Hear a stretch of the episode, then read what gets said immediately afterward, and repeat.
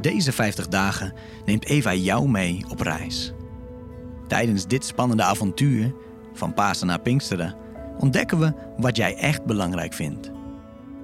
Elke donderdag vertellen we je een verhaal van een woestijnvader of moeder. Mensen van lang geleden, die ons ook nu nog inspireren. In de 6e eeuw schreef woestijnvader Johannes van der Ladder het boek De Ladder naar het Paradijs, dat ook wel de Monnikenbijbel genoemd wordt. Het boek bestaat uit 30 hoofdstukken en is een handleiding voor het leven van de monnik. Het thema loslaten is voor monniken erg belangrijk. Daarom gaan de eerste drie hoofdstukken van De ladder naar het paradijs over de breuk met de wereld.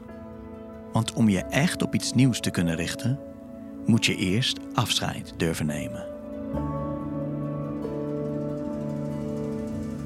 Loslaten. Je kunt het ene loslaten door iets anders vast te grijpen. Trap 1. Het is afschuwelijk en gevaarlijk als je als worstelaar vanaf het moment dat je de boksring instapt verslapt en aan iedereen laat zien dat je denkt dat je verslagen zal worden.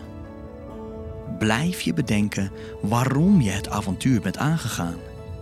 Dat kan je weer vleugels geven om te overwinnen. Achterlaten. Het achterlaten van wat anderen over je vinden hoort ook bij onderweg zijn. Trap 2. De goede weg richting je doel zal niet altijd makkelijk zijn. Blijf goed opletten. Leer meningen van anderen over jou achter je te laten. Stap er overheen en loop door als je je beledigd, uitgelachen en bespot voelt. Richt je op het ontvangen van Gods liefde, zodat je door die liefde de minachting van anderen kunt verdragen. Op reis zijn. Op reis zijn is een houding van actief achterlaten en loslaten.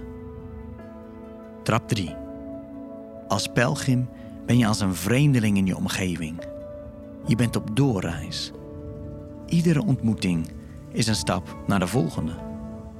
Je doorreis geeft je ongekende wijsheid, persoonlijk inzicht, ondersteunt je onzichtbare doel, weerhoudt je van het verzamelen van spullen, laat je verlangen naar eenvoud, bouwt een fundament voor je verlangen naar God en geeft een overvloed van liefde.